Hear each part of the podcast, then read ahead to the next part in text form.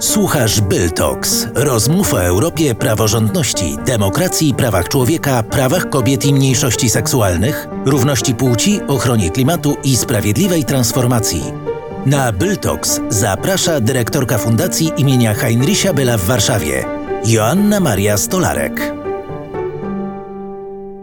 Dzień dobry, serdecznie witam na kolejnej rozmowie w ramach Byltox. Moją gościnią dzisiaj jest dr Hanna Machińska, zastępczyni Rzecznika Praw Obywatelskich.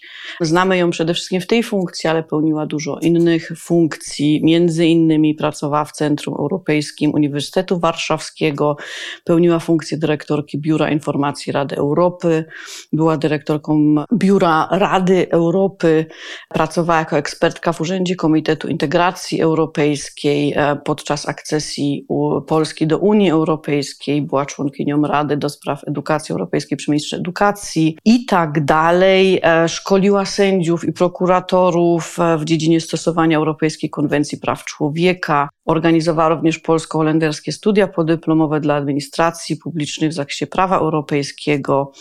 Opublikowała wiele różnych fachowych publikacji na temat innymi ochrony praw podstawowych w Unii Europejskiej i niedawno otrzymała tytuł e, hon, doktora honoris causa Uniwersytetu w Curychu jako pierwsza Polka e, w historii Wydziału Prawa tego Uniwersytetu. Serdecznie witamy. Bardzo dziękuję. Pani doktor. Dziękuję um, może zacznijmy tak od razu bardzo konkretnie. Jak, że tak powiem, pani konikiem i głównym e, obszarem, którym się pani zajmuje, to jest praworządność. Oprócz wielu innych, ale to jest ostatnio, o czym często rozmawialiśmy w różnych kontekstach.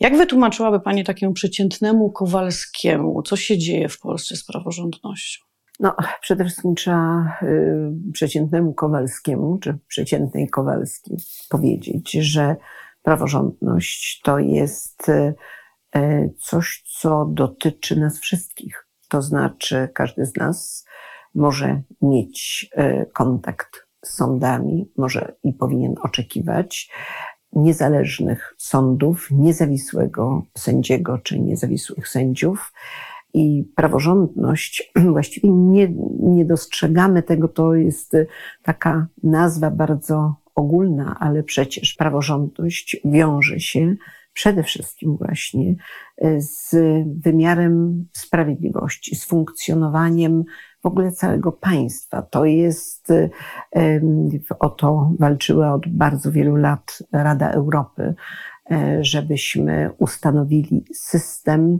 taki system prawa, który spełnia warunki, standardy europejskie, gdzie możemy powierzyć nasze sprawy i musimy mieć świadomość, że nasze sądy będą oceniały każdą sytuację sprawiedliwie, zgodnie ze standardami europejskimi. To jest znacznie szersze pojęcie, bo to jest e, również dotyczy to kwestii odpowiedzialności sędziów walki z korupcją. To jest właściwie praworządność, to jest ta zasada, która mm, dotyczy całego państwa. To jest y, nieprzypadkowo rozporządzenie Rady i Parlamentu Europejskiego. E, właśnie powiązało e, praworządność e, z możliwością uzyskania środków finansowych. Ale powiedziane jest jasno, państwo praworządne musi to być takie państwo, każde, zresztą każde państwo, które jest w Radzie Europy, powinno spełniać warunek praworządności. Każde państwo, które jest w Unii Europejskiej, musi spełniać również ten warunek. No więc e, można powiedzieć, że jeżeli jesteśmy w różnych sytuacjach, sytuacjach konfliktów, to musimy wiedzieć, że Musimy polegać na instytucji państwa, e, czy jesteśmy w sądzie, czy w sądach powszechnych, czy w sądach administracyjnych. Oczekujemy, że rozstrzyga daną sprawę sędzia właściwie umocowany, sędzia, który jest w świetle standardów europejskich sędzią, gdzie nie ma wątpliwości co do jego statusu i możemy wobec tego być pewni rozstrzygnięcia. Zawsze jest tak, że jedna strona jest zadowolona, druga nie, ale jednak mamy zagwarantowane możliwość, zagwarantowaną możliwość odwołania się od decyzji. To jest podstawowe nasze prawo. Praworządność też dotyczy innych y, organów państwa. Przecież y, widzimy bardzo dramatyczne sytuacje związane z funkcjonowaniem policji w sytuacji, kiedy łamane są prawa obywateli wychodzących na ulicę, kiedy mają prawo występowania i demonstrowania swoich poglądów w sposób pokojowy.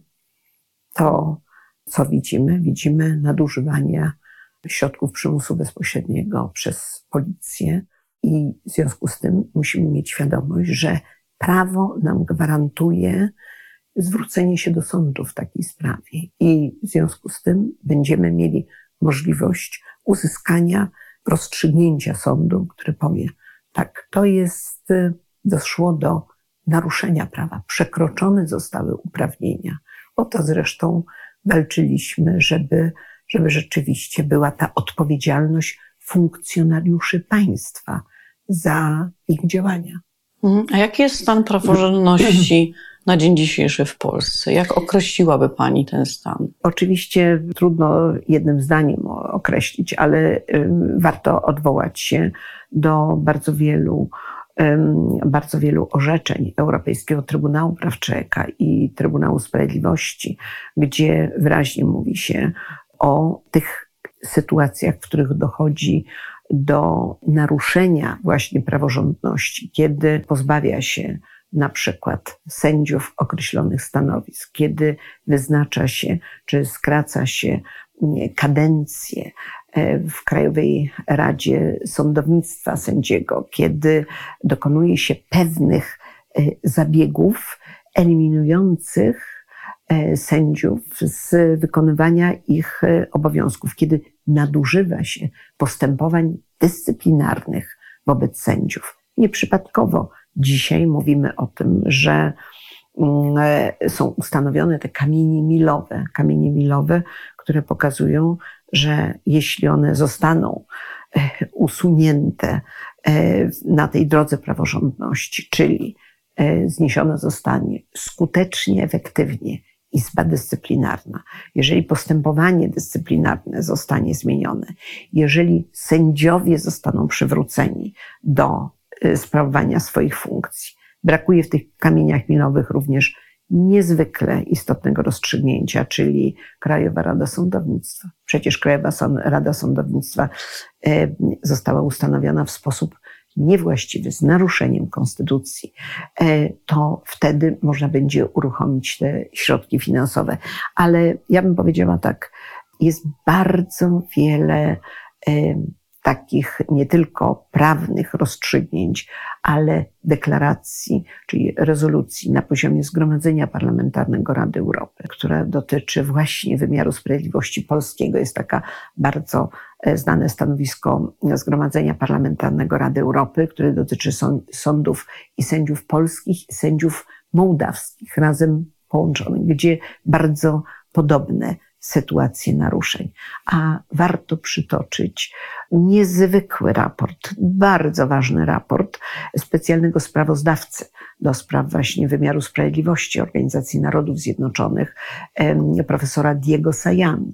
Profesor Diego Sayan kilka lat temu już mówił, że kampania, którą, która jest prowadzona w Polsce, jest naruszeniem, jest wpływa bezpośrednio na sędziów. Jest to, wywołuje taki efekt mrożący i efekt właściwie taki, powiedziałabym, nawet delegalizacji w oczach społeczeństwa, że przedstawia się w tej kampanii, a ta kampania, kampania przeszła przez całą Polskę, pokazuje się sędziów w okropnym świetle, do których nie można mieć zaufania, gdzie zdjęto ze stanowisk 150 prezesów sądów i wiceprezesów sądów, gdzie za złożenie pytań prejudycjalnych, to już inne stanowiska o tym mówią, sędziowie byli pociągani do odpowiedzialności dyscyplinarnej, e, kierowani do innych wydziałów. Więc zdarzyło się w naszym wymiarze sprawiedliwości, w działaniach Ministerstwa Sprawiedliwości, gdzie minister sprawiedliwości jest prokuratorem generalnym, zdarzyło się bardzo wiele złego. Rada Europy wielokrotnie apelowała o rozłączenie tych stanowisk ministra sprawiedliwości i prokuratora generalnego. No i muszę powiedzieć, że e, z trudem, e, trudno mówić dzisiaj o naprawie. To jest długi proces i widać, że on ma charakter bardziej iluzoryczny. I właściwie wszystkie stanowiska organizacji, czy wszystkich organizacji międzynarodowych wyraźnie wskazują, że Polska znalazła się na bardzo niedobrym torze drastycznych naruszeń właśnie praworządności i o ile Rada Europy, Unia Europejska mogła być takim safeguards, mówimy, zabezpieczeniem, to jest do pewnego stopnia, ale ja widzę to zabezpieczenie w twardych werdyktach, orzeczeniach obu trybunałów. I te trybunały, oba trybunały jednoznacznie określają i mówią, że dochodzi do bardzo głębokiego naruszenia zasad praworządności dochodzi do naruszenia zasad praworządności, ten konflikt nabiera na sile. To już trwa parę dobrych lat. Tak. Jak, jak ocenia Pani dalszy rozwój właśnie sytuacji, jeżeli chodzi o konflikt dotyczący praworządności między Polską a organami Unii Europejskiej? Bo to też dochodzą, też jest tutaj ten konflikt w stosunku do Węgier. To jest y, oczywiście w stosunku również do Węgier. No, można sobie wyobrazić, y, trudno w ogóle przewidywać rozwój wydarzeń, bo to będą wydarzenia o charakterze prawda, politycznym i decyzje będą miały charakter polityczny. Ja wolałabym nie mówić o tym, co się zdarzy w sferze polityki, bo to nie jest moja kompetencja, żeby na ten temat się wypowiadać. Natomiast jedno jest pewne, że orzeczenia zarówno Trybunału Sprawiedliwości, jak i Europejskiego Trybunału Praw Człowieka a tych orzeczeń w Europejskim Trybunale Praw Człowieka jest multum. One to jest właściwie prezes Europejskiego Trybunału powiedział, to jest priorytet. Rządy prawa i naruszanie rządów prawa dla Europejskiego Trybunału to jest priorytet. Jak to przewiduje? Muszą być te orzeczenia wykonane. Jeżeli nie będą wykonane, na przykład, jeżeli orzeczenia TSUE Trybunału Sprawiedliwości nie zostaną wykonane, y, to w procedurach, które są komisja przeciwko Polsce, y, no można sobie wyobrazić dalszy krok, czyli kary pieniężne nałożone. I tak już w tej chwili płacimy ogromne kwoty. Y, w pytaniach prejudycjalnych, jeżeli pytania, sądy zadają pytania prejudycjalne. Jeżeli rozstrzygnięcia sądów nie będą zgodne z odpowiedziami e, Trybunału Sprawiedliwości, e, to oczywiście będą kwestionowane. No trudno sobie wyobrazić, bo jednak sądy w dużej mierze absolutnie podążają tym torem Trybunału Sprawiedliwości. To e, Komisja Europejska, komisja ma instrumenty Komisja ma instrumenty, którymi operuje bardzo ostrożnie. I tu można, można się spodziewać, że Komisja Europejska, widząc dalsze naruszenia, może podjąć decyzję o kolejnych wystąpieniach przeciwko państwu, e, czyli przeciwko Polsce do Trybunału Sprawiedliwości. W Trybunale Praw Człowieka e, to są E, zupełnie innego rodzaju sankcje. Czyli bardzo często, jeżeli Trybunał uzna, że e, sędzia jest ofiarą w rozumieniu konwencji, co oczywiście może określić odszkodowanie. Te odszkodowania zapadają, mogą być uznane środki generalne i Trybunał może określić, jakie środki państwo musi podjąć. No i oczywiście toczy się debata na posiedzeniu Komitetu Ministrów, gdzie państwo musi zdać sprawozdanie z tego, jak realizuje określony wyrok. No państwo może powiedzieć, tak, on jest zrealizowany. Tutaj Komitet Ministrów może być innego zdania. To jest y, zarówno proces prawny, jak i proces polityczny, bo trudno sobie wyobrazić, że ambasador w Komitecie Ministrów powie, że wyroku takiego i takiego nie realizujemy. E, oczywiście znamy sytuację Trybunału Konstytucyjnego, wiemy zakwestionowanie artykułu 6 przed Trybunałem Konstytucyjnym, ale nie ulega wątpliwości, że e, artykuł 6, który mówi o rzetelności postępowania, jest okrętem flagowym Europejskiej Konwencji Praw Człowieka. Nie ma mowy, żeby państwo, które było członkiem jest członkiem Rady Europy, przypominam od 1991 roku, żeby mogło pozwolić sobie na jawne naruszenie, niestosowanie wyroków Trybunału. To jest proces długi, to jest tak jak w innych sprawach, Alicja Tysiąc przeciwko Polsce. To się toczy, to jest, ale na końcu e, Polska będzie musiała te wyroki wykonać. Tak Trochę może prowokacyjne pytanie, to nie tylko moje pytanie, też zastanawiają się publicyści, e, publicystki, publicyści, komentatorzy, komentatorki nad taką sytuacją. Pani doktor wspomniała tutaj właśnie o różnych instrumentach, które jeszcze nie zostały wykorzystane, które jeszcze są.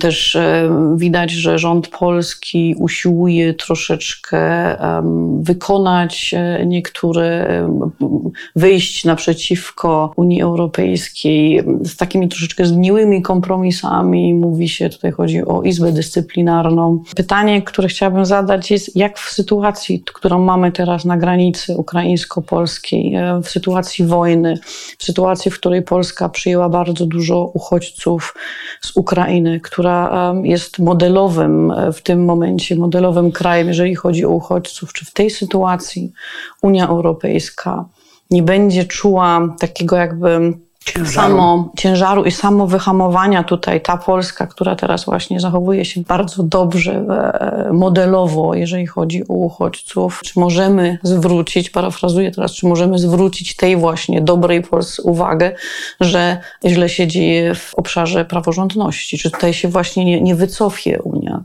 No więc e, ja myślę, że to e, trudno powiedzieć. To właściwie jest pytanie, które wszyscy sobie zadają i trudno mm, spekulować. Zobaczymy, jaki będzie efekt wizyty pani przewodniczącej komisji. Ta wizyta będzie miała ogromne znaczenie. Na pewno komisja nie może swoimi działaniami zakwestionować wyroków e, Trybunału Sprawiedliwości.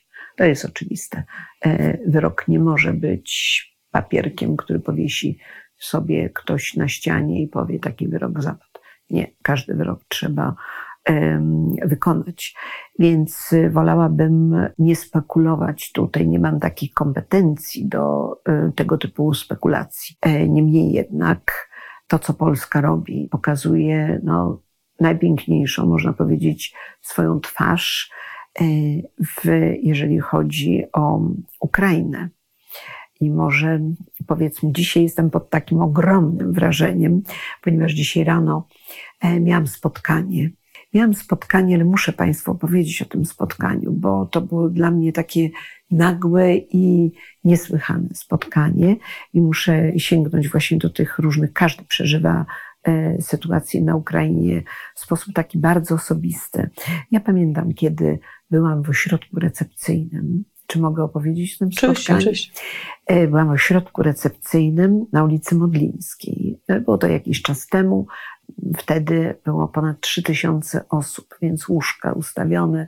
No, robiło to wrażenie e, niesłychane. Z drugiej strony muszę powiedzieć, że ten ośrodek był bardzo dobrze zorganizowany. Naprawdę znakomicie zorganizowany. I nagle zobaczyliśmy gdzieś w roku siedzącą kobietę z małą dziewczynką.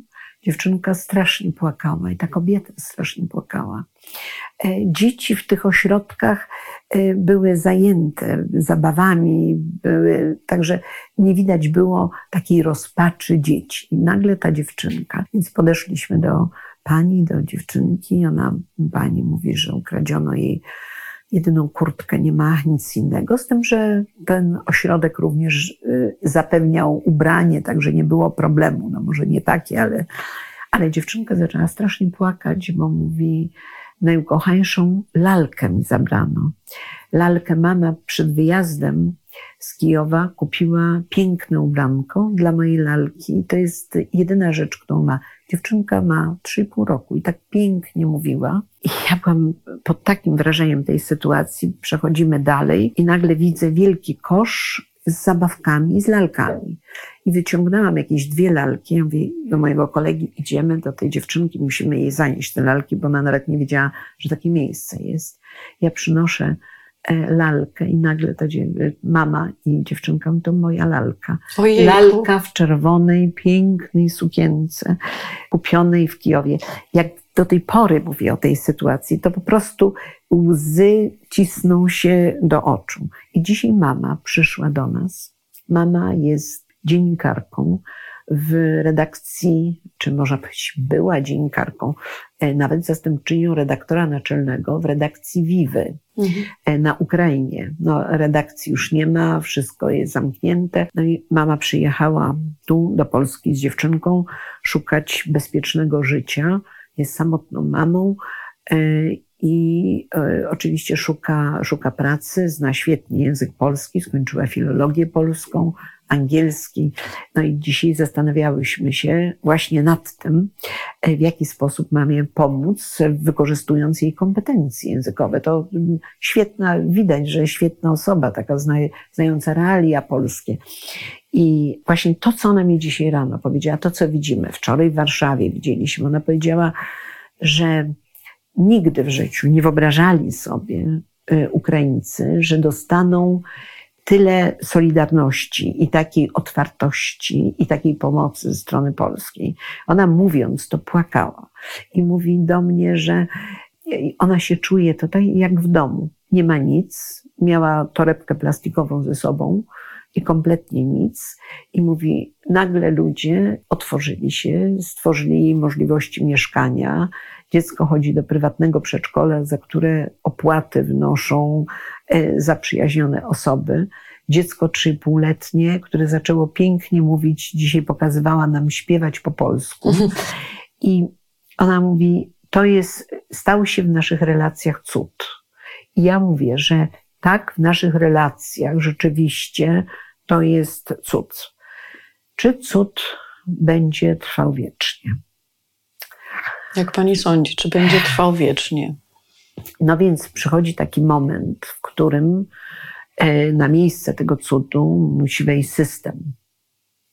Czyli dużo, trzeba powiedzieć, państwo zrobiło, czyli regulacje prawne, e, otwartość, służba zdrowia, przede wszystkim numer PESEL, e, no, stworzenie naprawdę licznych możliwości. To, czego nie zrobiliśmy, co jest dużym problemem, to oczywiście ten cud opiera się na barkach aktywistów.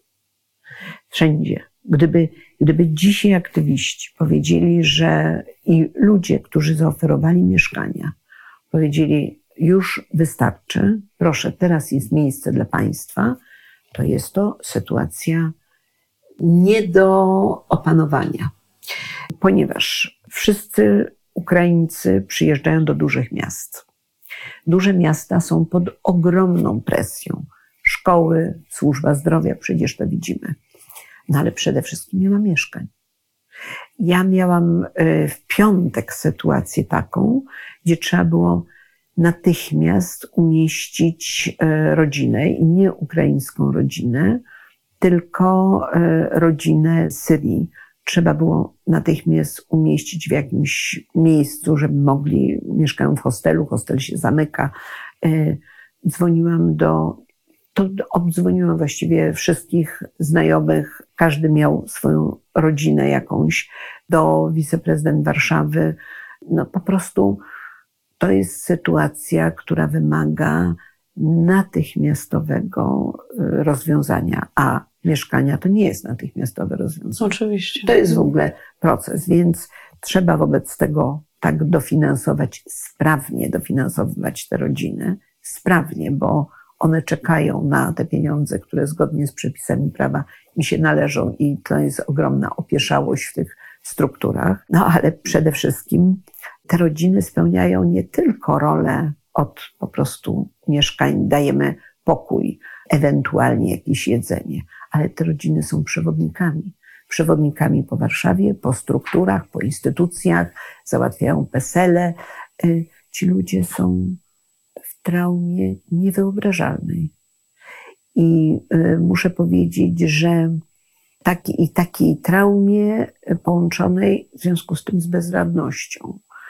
E, struktury biurokratyczne nie są specjalnie otwarte na to. No, mamy wiele problemów e, nierozwiązanych. Jak już jesteśmy przy Ukrainie, to e, muszę powiedzieć, że ja czuję mm, bezradność wobec jednej grupy.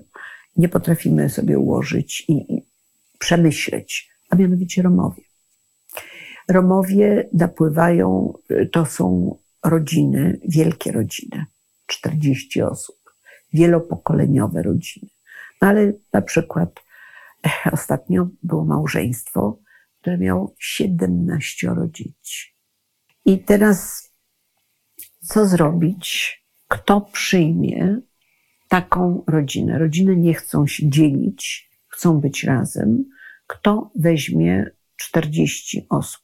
Kto weźmie 17 dzieci? Czy matka siedmiorga dzieci muszę pójść do pracy. No to jest w ogóle po prostu, mhm. to jest jej e, niesłychana praca. E, to jest wielki, wielki problem. Przy tym oni są odrzucani. Oni są nawet odrzucani przez społeczność e, ukraińską. Czyli ta, ta gościnność tak. polska ma granicę ma granicę i tutaj y, może nie tyle, bo przyznam się szczerze, że rozmawiam z Romami polskimi, z działaczkami, fantastycznymi działaczkami romskimi, które też czują się bezradne, to znaczy reagują w sytuacji y, no, jakiejś dyskryminacji. Ja jeździłam właśnie ostatnio na dworze centralne, ponieważ te rodziny pojawiają się E, o różnych porach, często w nocy, wieczorem na dworcu centralnym. No i e, jest trudność, żeby te rodziny znalazły się w takich miejscach jak punkt recepcyjny. Badaliśmy, do pewnego czasu było sporo Romów na ulicy Modlińskiej, w innych miejscach, no ale to jest miejsce przejściowe. Ja rozmawiam z rodzinami romskimi, pytam się, czy macie jakiś pomysł, co chcielibyście zrobić? Jednego dnia rodzina mówi, że jedziemy do Londynu, ale, ale co znaczy do Londynu? To co? Autokar i przewozimy do Londynu i co? Mhm. Trafalgar Square i, i co dalej? To jest po prostu niemożliwe. Następnego dnia ta sama rodzina, nie, nie, może Londyn to nie jest dobrym miejscem, Sztokholm byłby lepszym. No tak, ale to są e, mgliste marzenia, gdzie realizacji tego nie ma. Część wraca na teren Ukrainy. No, na pewno to są rodziny żyjące w ubóstwie, w ogromnym ubóstwie. To są rodziny, które, no, jeżeli mamy 17 dzieci, no nie wszystkie rodziny mają tak tyle dzieci, to e, opanowanie e, tych dzieci jest pewnym problemem. Zdarzały się, zdarzała się przemoc w tych rodzinach, o czym właśnie dzisiaj rozmawialiśmy. Więc y, nie ma, naprawdę nie ma rozwiązania. Nie ma rozwiązania i to, to jest właściwie nasze największe w tej chwili wyzwanie. Co zrobić, jak zorganizować ich życie, jak im pomóc. Mamy nie tylko to wyzwanie, mamy jakby i tutaj pani zajmuje się też tym od pewnego czasu, Mamy dwie kategorie, nie tylko dwie kategorie. Tutaj widzimy, że wśród uchodźców e, z Ukrainy mamy dwie, jak nie więcej, kategorii uchodźców, ale mamy jakby dwie granice. Mamy um, jedną długą wschodnią granicę, ale mamy tę społeczność polska otwarta, gościnna, naprawdę wzruszająco gościnna, um, podziwiana z cały świat w tym momencie patrząc na to, ilu przyjeźdźmy, przyjeźdźmy osób z Ukrainy. Z drugiej strony mamy granicę z Białorusią, gdzie w lesie koczują dalej rodziny, gdzie są uchodźcy, e, gdzie budowany jest e, mur, gdzie ludzie zaplentują się w, w drut kolczasty, gdzie aktywiści karani są za pomoc jak to wytłumaczyć, jak wytłumaczyć te podwójne standardy, jak, jak sobie z tym poradzić i dlaczego tak się dzieje, dlaczego e, tutaj polska społeczność i polskie państwo mierzy właśnie dwoma miarami. Tak, rzeczywiście, jeżeli chodzi o granicę z Białorusią, to sytuacja jest e, bardzo zła. Do niedawna przekraczało, przedzierało się przez tę granicę no, setki osób. My zresztą byliśmy bardzo aktywni, jesteśmy tam na tej granicy bardzo aktywni. Patrzymy na dramaty tych ludzi. Nie rozumiemy tego, co się tam dzieje, ponieważ uważamy, że przepisy prawa pozwalają na owe pushbacki, a Rzecznik Praw Obywatelskich wyraźnie mówił i w piśmie skierowanym i do ministra spraw wewnętrznych, i premiera, że pushbacki są nielegalne w świetle prawa międzynarodowego są nielegalne. To, co my w tej chwili czekamy na rozstrzygnięcie Wojewódzkiego Sądu Administracyjnego, to będzie bardzo ciekawa sprawa, która dotyczy osób, które właśnie przedzierały się i my zakwestionowaliśmy tak zwaną czynność materialno-techniczną, która polega na odprowadzeniu, jak to mówią pogranicznicy, funkcjonariusze straży, do linii granicznej, czyli krótko mówiąc, wyrzucenie z terytorium Polski. Mówmy tak, jak rzecz się przedstawia. Ostatnio rozmawialiśmy z funkcjonariuszami, zadając im pytanie następujące. Jeżeli te osoby na przykład znajdą tych ludzi służby Straż Graniczna w nocy, są to na przykład rodziny z dziećmi, w stanie zdrowia który nie wskazuje na konieczność hospitalizacji. Co Państwo z tym robicie? Odprowadzamy do linii granicznej. Ja mówię w nocy, do lasu, do linii granicznej. Ja mówię, ale linia graniczna może przebiegać w lesie. E, w związku z tym e, to są okrutne działania, czekamy na rozstrzygnięcie Europejskiego Trybunału Praw Człowieka, bo jest sprawa w Europejskim Trybunale Praw Człowieka z bardzo mocną interwencją komisarz Duni Mijatowicz, a Dunia Mijatowicz w listopadzie była świadkiem naszej interwencji w lesie w nocy. Pojechała z nami, była w Polsce, pojechała z nami. Doznała działań skandalicznych na drodze publicznej, kiedy policja zatrzymała nas nie mając prawa do zatrzymania. Tam to nie była strefa y, objęta zakazem wjazdu, tylko droga publiczna. Kiedy policjant, który się ostatecznie przedstawił z komendy stołecznej policji, powiedział do nas, że sprawdza, czy my nie jesteśmy na ich liście zakazanej. Nie wiem, co to znaczyło lista zakazana, nie chciał powiedzieć kiedy cynicznie nas powstrzymano. Pani Dunia Mijatowicz była w samochodzie Ministerstwa Spraw Zagranicznych. Wreszcie udało nam się przedrzeć przez policję i znaleźliśmy, dostaliśmy sygnał, że są ludzie z Etiopii, Syrii, że konieczna jest pomoc. Przecież my działamy zgodnie z przepisami prawa. Aktywiści, którzy znaleźli tych ludzi, natychmiast udzielili pierwszej pomocy i zawiadomili Straż Graniczną. Wszyscy powiedzieli, że żądają ochrony międzynarodowej. No więc w obecności naszej pojechaliśmy następnie do placówki Straży Granicznej, przyjęto od nich zgłoszenie ochronę międzynarodową. Ale gdyby nas nie było, to byliby odprowadzeni. Prowadzenie, do, jaki tak, eufemizm. No, tak. Szczę, szczęśliwie zapadło pierwsze orzeczenie w sądzie w Hajnówce, w sądzie pierwszej instancji, gdzie sąd pierwszej instancji powiedział, że tego typu działania są działaniami niehumanitarnymi, niezgodnymi z przepisami prawa i uznał, że te działania nie mogą być prowadzone, a tego typu mm, opieranie się na takich przepisach powoduje nielegalność E, tego typu działań. Więc Muszę powiedzieć, że sądy coraz częściej, też pod wpływem informacji, które otrzymują od nas, podejmują bardzo ważne i sprawiedliwe działania, gdzie odwołują się do prawa międzynarodowego.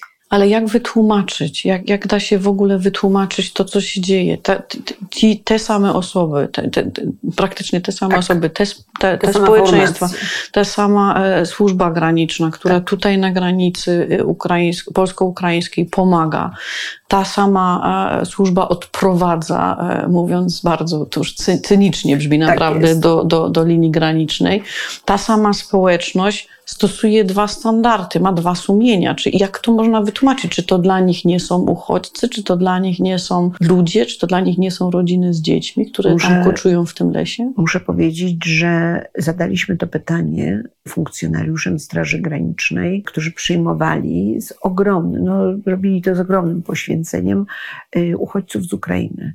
Ja mówię, jak to się dzieje, że wy tak działacie, natomiast wasi koledzy działają w sposób naprawdę skandaliczny. Dla nas skandaliczny, natomiast y, mówiąc w kategoriach prawnych, opierają się na przepisach, które nie mają żadnego oparcia w Konstytucji Polskiej nie mają żadnego oparcia w prawie Unii Europejskiej i w konwencji genewskiej, Europejskiej Konwencji Praw Człowieka.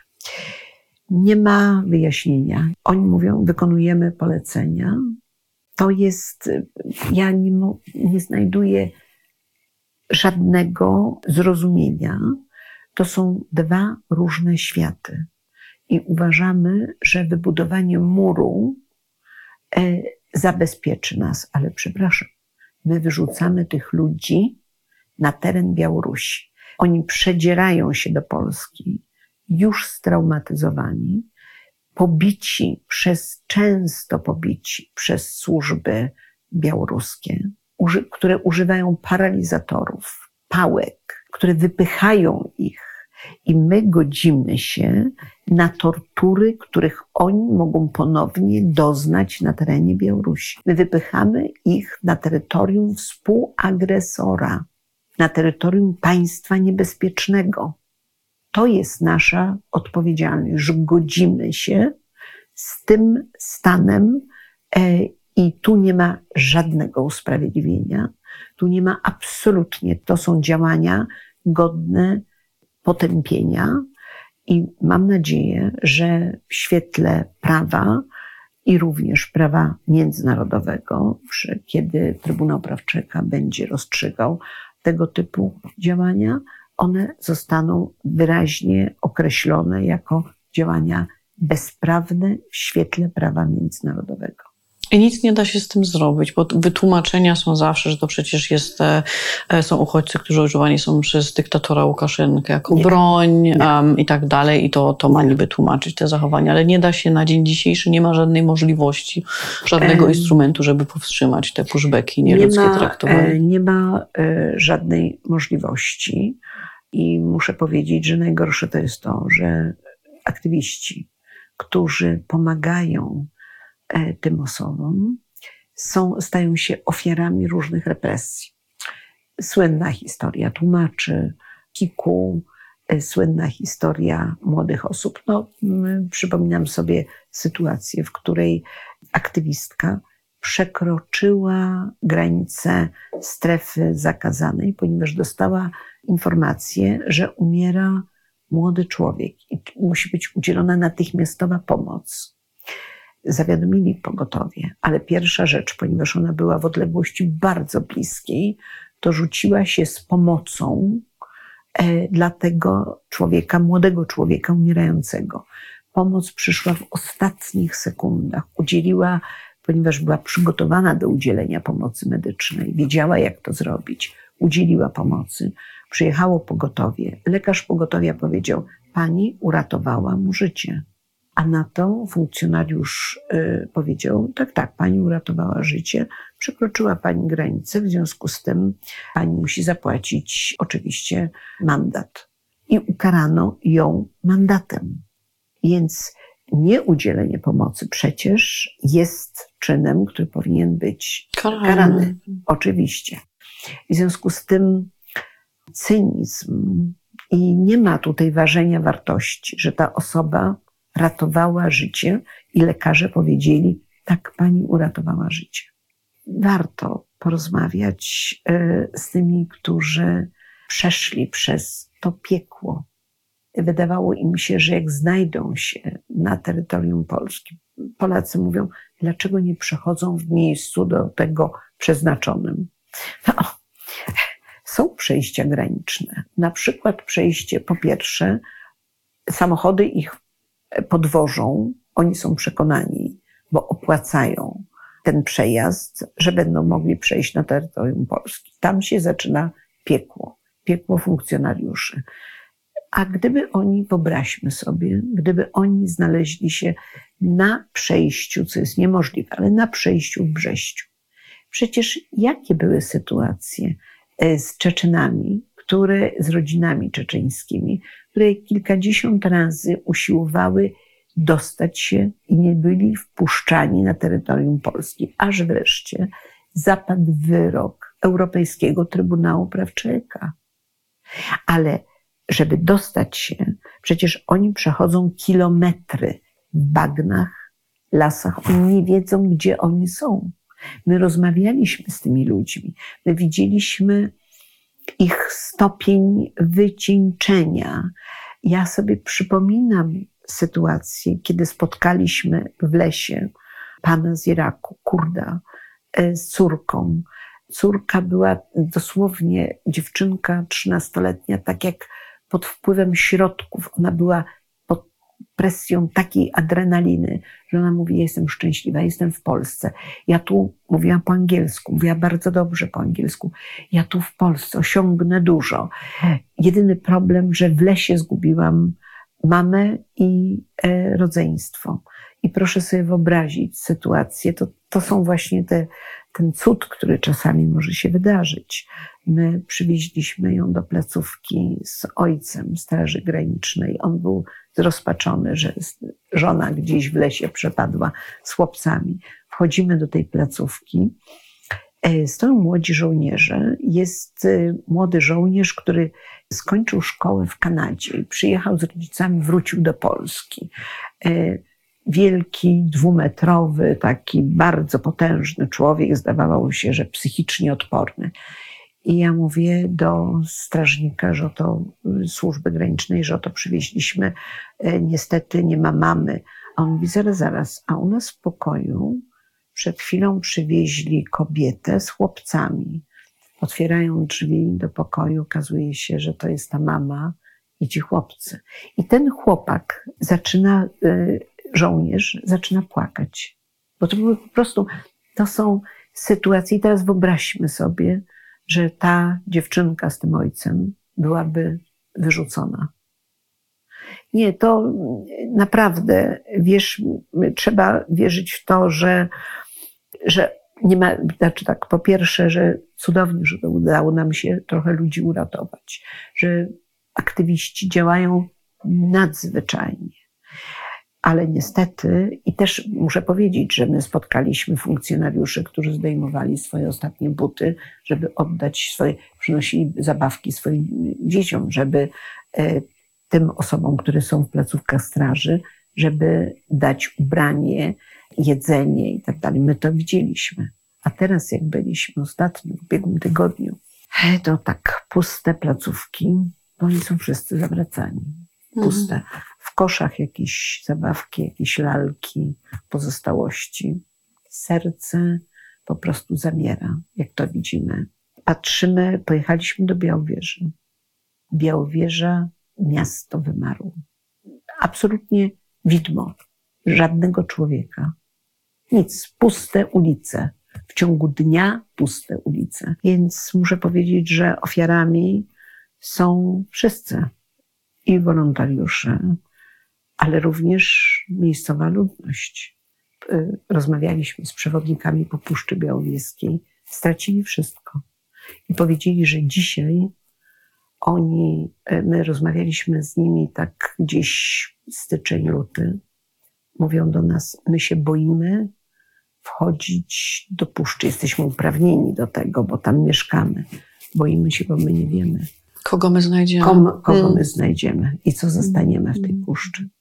Czyli mamy tak naprawdę mocną dehumanizację też tych osób. Znaczy, wiadomo, są jeszcze pomo- Tak. jest pomoc, ale jest dehumanizacja, że nie widzi się w tych osobach, które są, przekraczają granice ze strony Białorusi do Polski, że nie ma. Jeszcze rozmawialiśmy właśnie to, co- było charakterystyczne, kiedy mówimy, proszę panów, bo to głównie rozmawialiśmy z mężczyznami, były też kobiety, przecież ci ludzie uci- uciekają przed wojną. Na to jeden z funkcjonariuszy mówi, co pani opowiada? Przed jaką wojną? W Syrii uciekają przed wojną? W Afganistanie uciekają przed wojną? Przecież oni przyjeżdżają, żeby sobie poprawić życie. I to właśnie moje następne pytanie, bo trudno go nie zadać. Zajmuje się Pani też, e, odpowiada za Krajowy Mechanizm Prewencji Tortur i tutaj właśnie, jeżeli chodzi o tortury, jest o poszanowanie praw człowieka w tak zwanych ośrodkach dla cudzoziemców, gdzie em, też mamy przypadki strajków głodowych, naprawdę nieludzkiego traktowania. Ci ludzie są praktycznie więzieni w tych ośrodkach. Jak sobie z tym poradzić? Jakie tutaj są możliwości zmiany tego? Bo e, tak jak pani opowiada teraz o tej dziewczynce, która przyjechała, jestem Tak. w Polsce, jestem szczęśliwa, no i ta dziewczynka ląduje w takim właśnie ośrodku, czyli trauma, następna trauma się nakłada na tą traumę, która już była. Więc y, to jest oczywiście, to jest trauma, która ma Pani rację, która się nakłada na traumę. Przede wszystkim tutaj niestety sądy decydują, powiem brutalnie, bezrefleksyjnie często, postanawiają umieścić rodziny z dziećmi, a sędziowie nie znają orzeczeń Europejskiego Trybunału Praw Człowieka, który mówi, że dzieci nie powinny być w miejscach. To jest miejsce detencji. Mm. To jest miejsce detencji, że dzieci nie powinny. Jeżeli dziecko, dziewczynka 13-letnia, ogłasza strajk głodowy w przejmującym, ktoś może powiedzieć, rodzice podpowiedzieli. Jasną dziewczynką miałam do czynienia. Ja ją widziałam na różnych etapach. Ja ją zobaczyłam najpierw taka promienna. Ja tutaj, świat przede mną stoi i nagle spotykam ją po trzech tygodniach w ośrodku strzeżonym. Ja widzę z tego dziecka, to dziecko w ogóle wygląda po prostu przerażająco. Ja się pytam psychologa, który tam się pojawił, czy Państwo nie widzicie, co się dzieje z tym dzieckiem? I dziecko ogłasza strajk głodowy i mówię do dyrektora tej placówki, że on ma uprawnienia do tego, żeby taki, taką rodzinę zwolnić, jeżeli będzie orzeczenie na przykład psychologa, psychiatry. On wysyła dziecko dobrze do szpitala psychiatrycznego. Jeżeli wysłali do Białegostoku i na szczęście szpital, lekarze w Białymstoku powiedzieli, my nie jesteśmy, to jest tak trudny przypadek, że nie możemy sobie poradzić. Proszę wysłać do Warszawy. Dziecko z mamą wyjechało do Warszawy, gdzie znalazło się, powiedziałabym, w szpitalu psychiatrycznym nadzwyczajnym, pod nadzwyczajną opieką. Notabene był też lekarz Syryjczyk, który świetnie się komunikował i z mamą, i z dziewczynką. I ta dziewczynka dochodziła do siebie. Wielka kampania medialna i rodzinę zwolniono. I teraz ta rodzina jest przeszczęśliwa. I znowu takie, y, poszłam odwiedzić ich i y, tam tej rodzinie jest dwóch chłopców i oni jakoś tak na boku coś tam lepili z plasteliny i podeszli do mnie, ulepili dwa kwiatki z plasteliny, żeby podziękować za to, że oczywiście to nie jest y, wdzięczność y, dla mnie, bo to jest no, bardzo piękny gest, ale chciałabym powiedzieć, że na to, że oni się znaleźli, oprócz tego, że ostatecznie prawda, podjęto taką decyzję, to naprawdę wielu moich kolegów też pracowało i koleżanek w biurze rzecznika. I muszę powiedzieć, i aktywistki, które były murem przy całej rodzinie, które nadal są murem przy całej rodzinie. To są te szczęśliwe sytuacje, kiedy dziewczynka niedawno nawet w telewizji ona się wypowiadała, pięknie mówi po polsku. Ale ile rodzin nie miało tego szczęścia? Y, Ośrodki y, są takie, które są powiedzmy standard przyzwoity i to Krajowy Mechanizm Prewencji Tortur uważa, że przyzwoity, na przykład Lesznowola. Ale tam był strajk głodowy. Tylko strajk głodowy nie powstał z tego powodu, że są złe warunki, bo obiektywnie trzeba powiedzieć, warunki są bardzo przyzwoite. Tylko dlatego, że trwają procedury, nie wiadomo ile, i oni nie wiedzą, w jakiej oni są sytuacji. Nieznośnie długie procedury, brak komunikacji i brak jasnych relacji. Przecież nie wszyscy zostaną w Polsce, ale muszą wiedzieć, prawda, jaki jest ich los. Ale są miejsca, które są po prostu, powinny być natychmiast zamknięte. Osławiony, niestety osławiony Wędrzyn, gdzie my widzieliśmy po prostu oprócz tego, że warunki materialne w tym znaczeniu, no, no, no pokój 28 osób w jednym pokoju, właściwie chciałoby się powiedzieć w celi. Nagle okazało się, że ci ludzie nie mogą mieć butów ze sznurowadłami, ale w innym ośrodku nie ma w ogóle żadnych problemów, żeby mieli buty i sznurowadła. To pytam się, jaka to jest różnica. Ludzie, którzy tam byli, to były ofiary tortur, potwierdzonych, ewidentnie zmasakrowanych naprawdę. To były dramat. Jak można taki ośrodek otworzyć na poligonie wojskowym? Przecież to jest chore. To jest po prostu, to jest nieludzkie, to jest chore. To, to wymaga absolutnego potępienia. I my mówimy o tym, że sądy przede wszystkim decydowały się na kierowanie tych osób do ośrodków strzeżonych. Dlaczego nie ośrodków otwartych? I mówię, niektórzy powinni być w ośrodkach zapewne strzeżonych. Być może, że nie rokują, że tak powiem, nie mają takich y, możliwości, y, ich sytuacja jest inna, część zostanie zwrócona.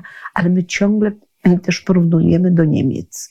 Jak to się dzieje, że problem e, taki w Niemczech nie istnieje? Oni są relokowani, procedury trwają, natomiast u nas procedury nie wiadomo jakie, nie wiadomo ile trwają. Wszyscy są, i tutaj muszę powiedzieć, grzech pierworodny to były decyzje bezrefleksyjne decyzje sądów. Co zrobił Rzecznik Praw Obywatelskich? Napisał, skierował pisma do 22 prezesów sądów okręgowych, informujące o tym, czym są środki strzeżone, na czym e, problem polega, jakie są standardy międzynarodowe.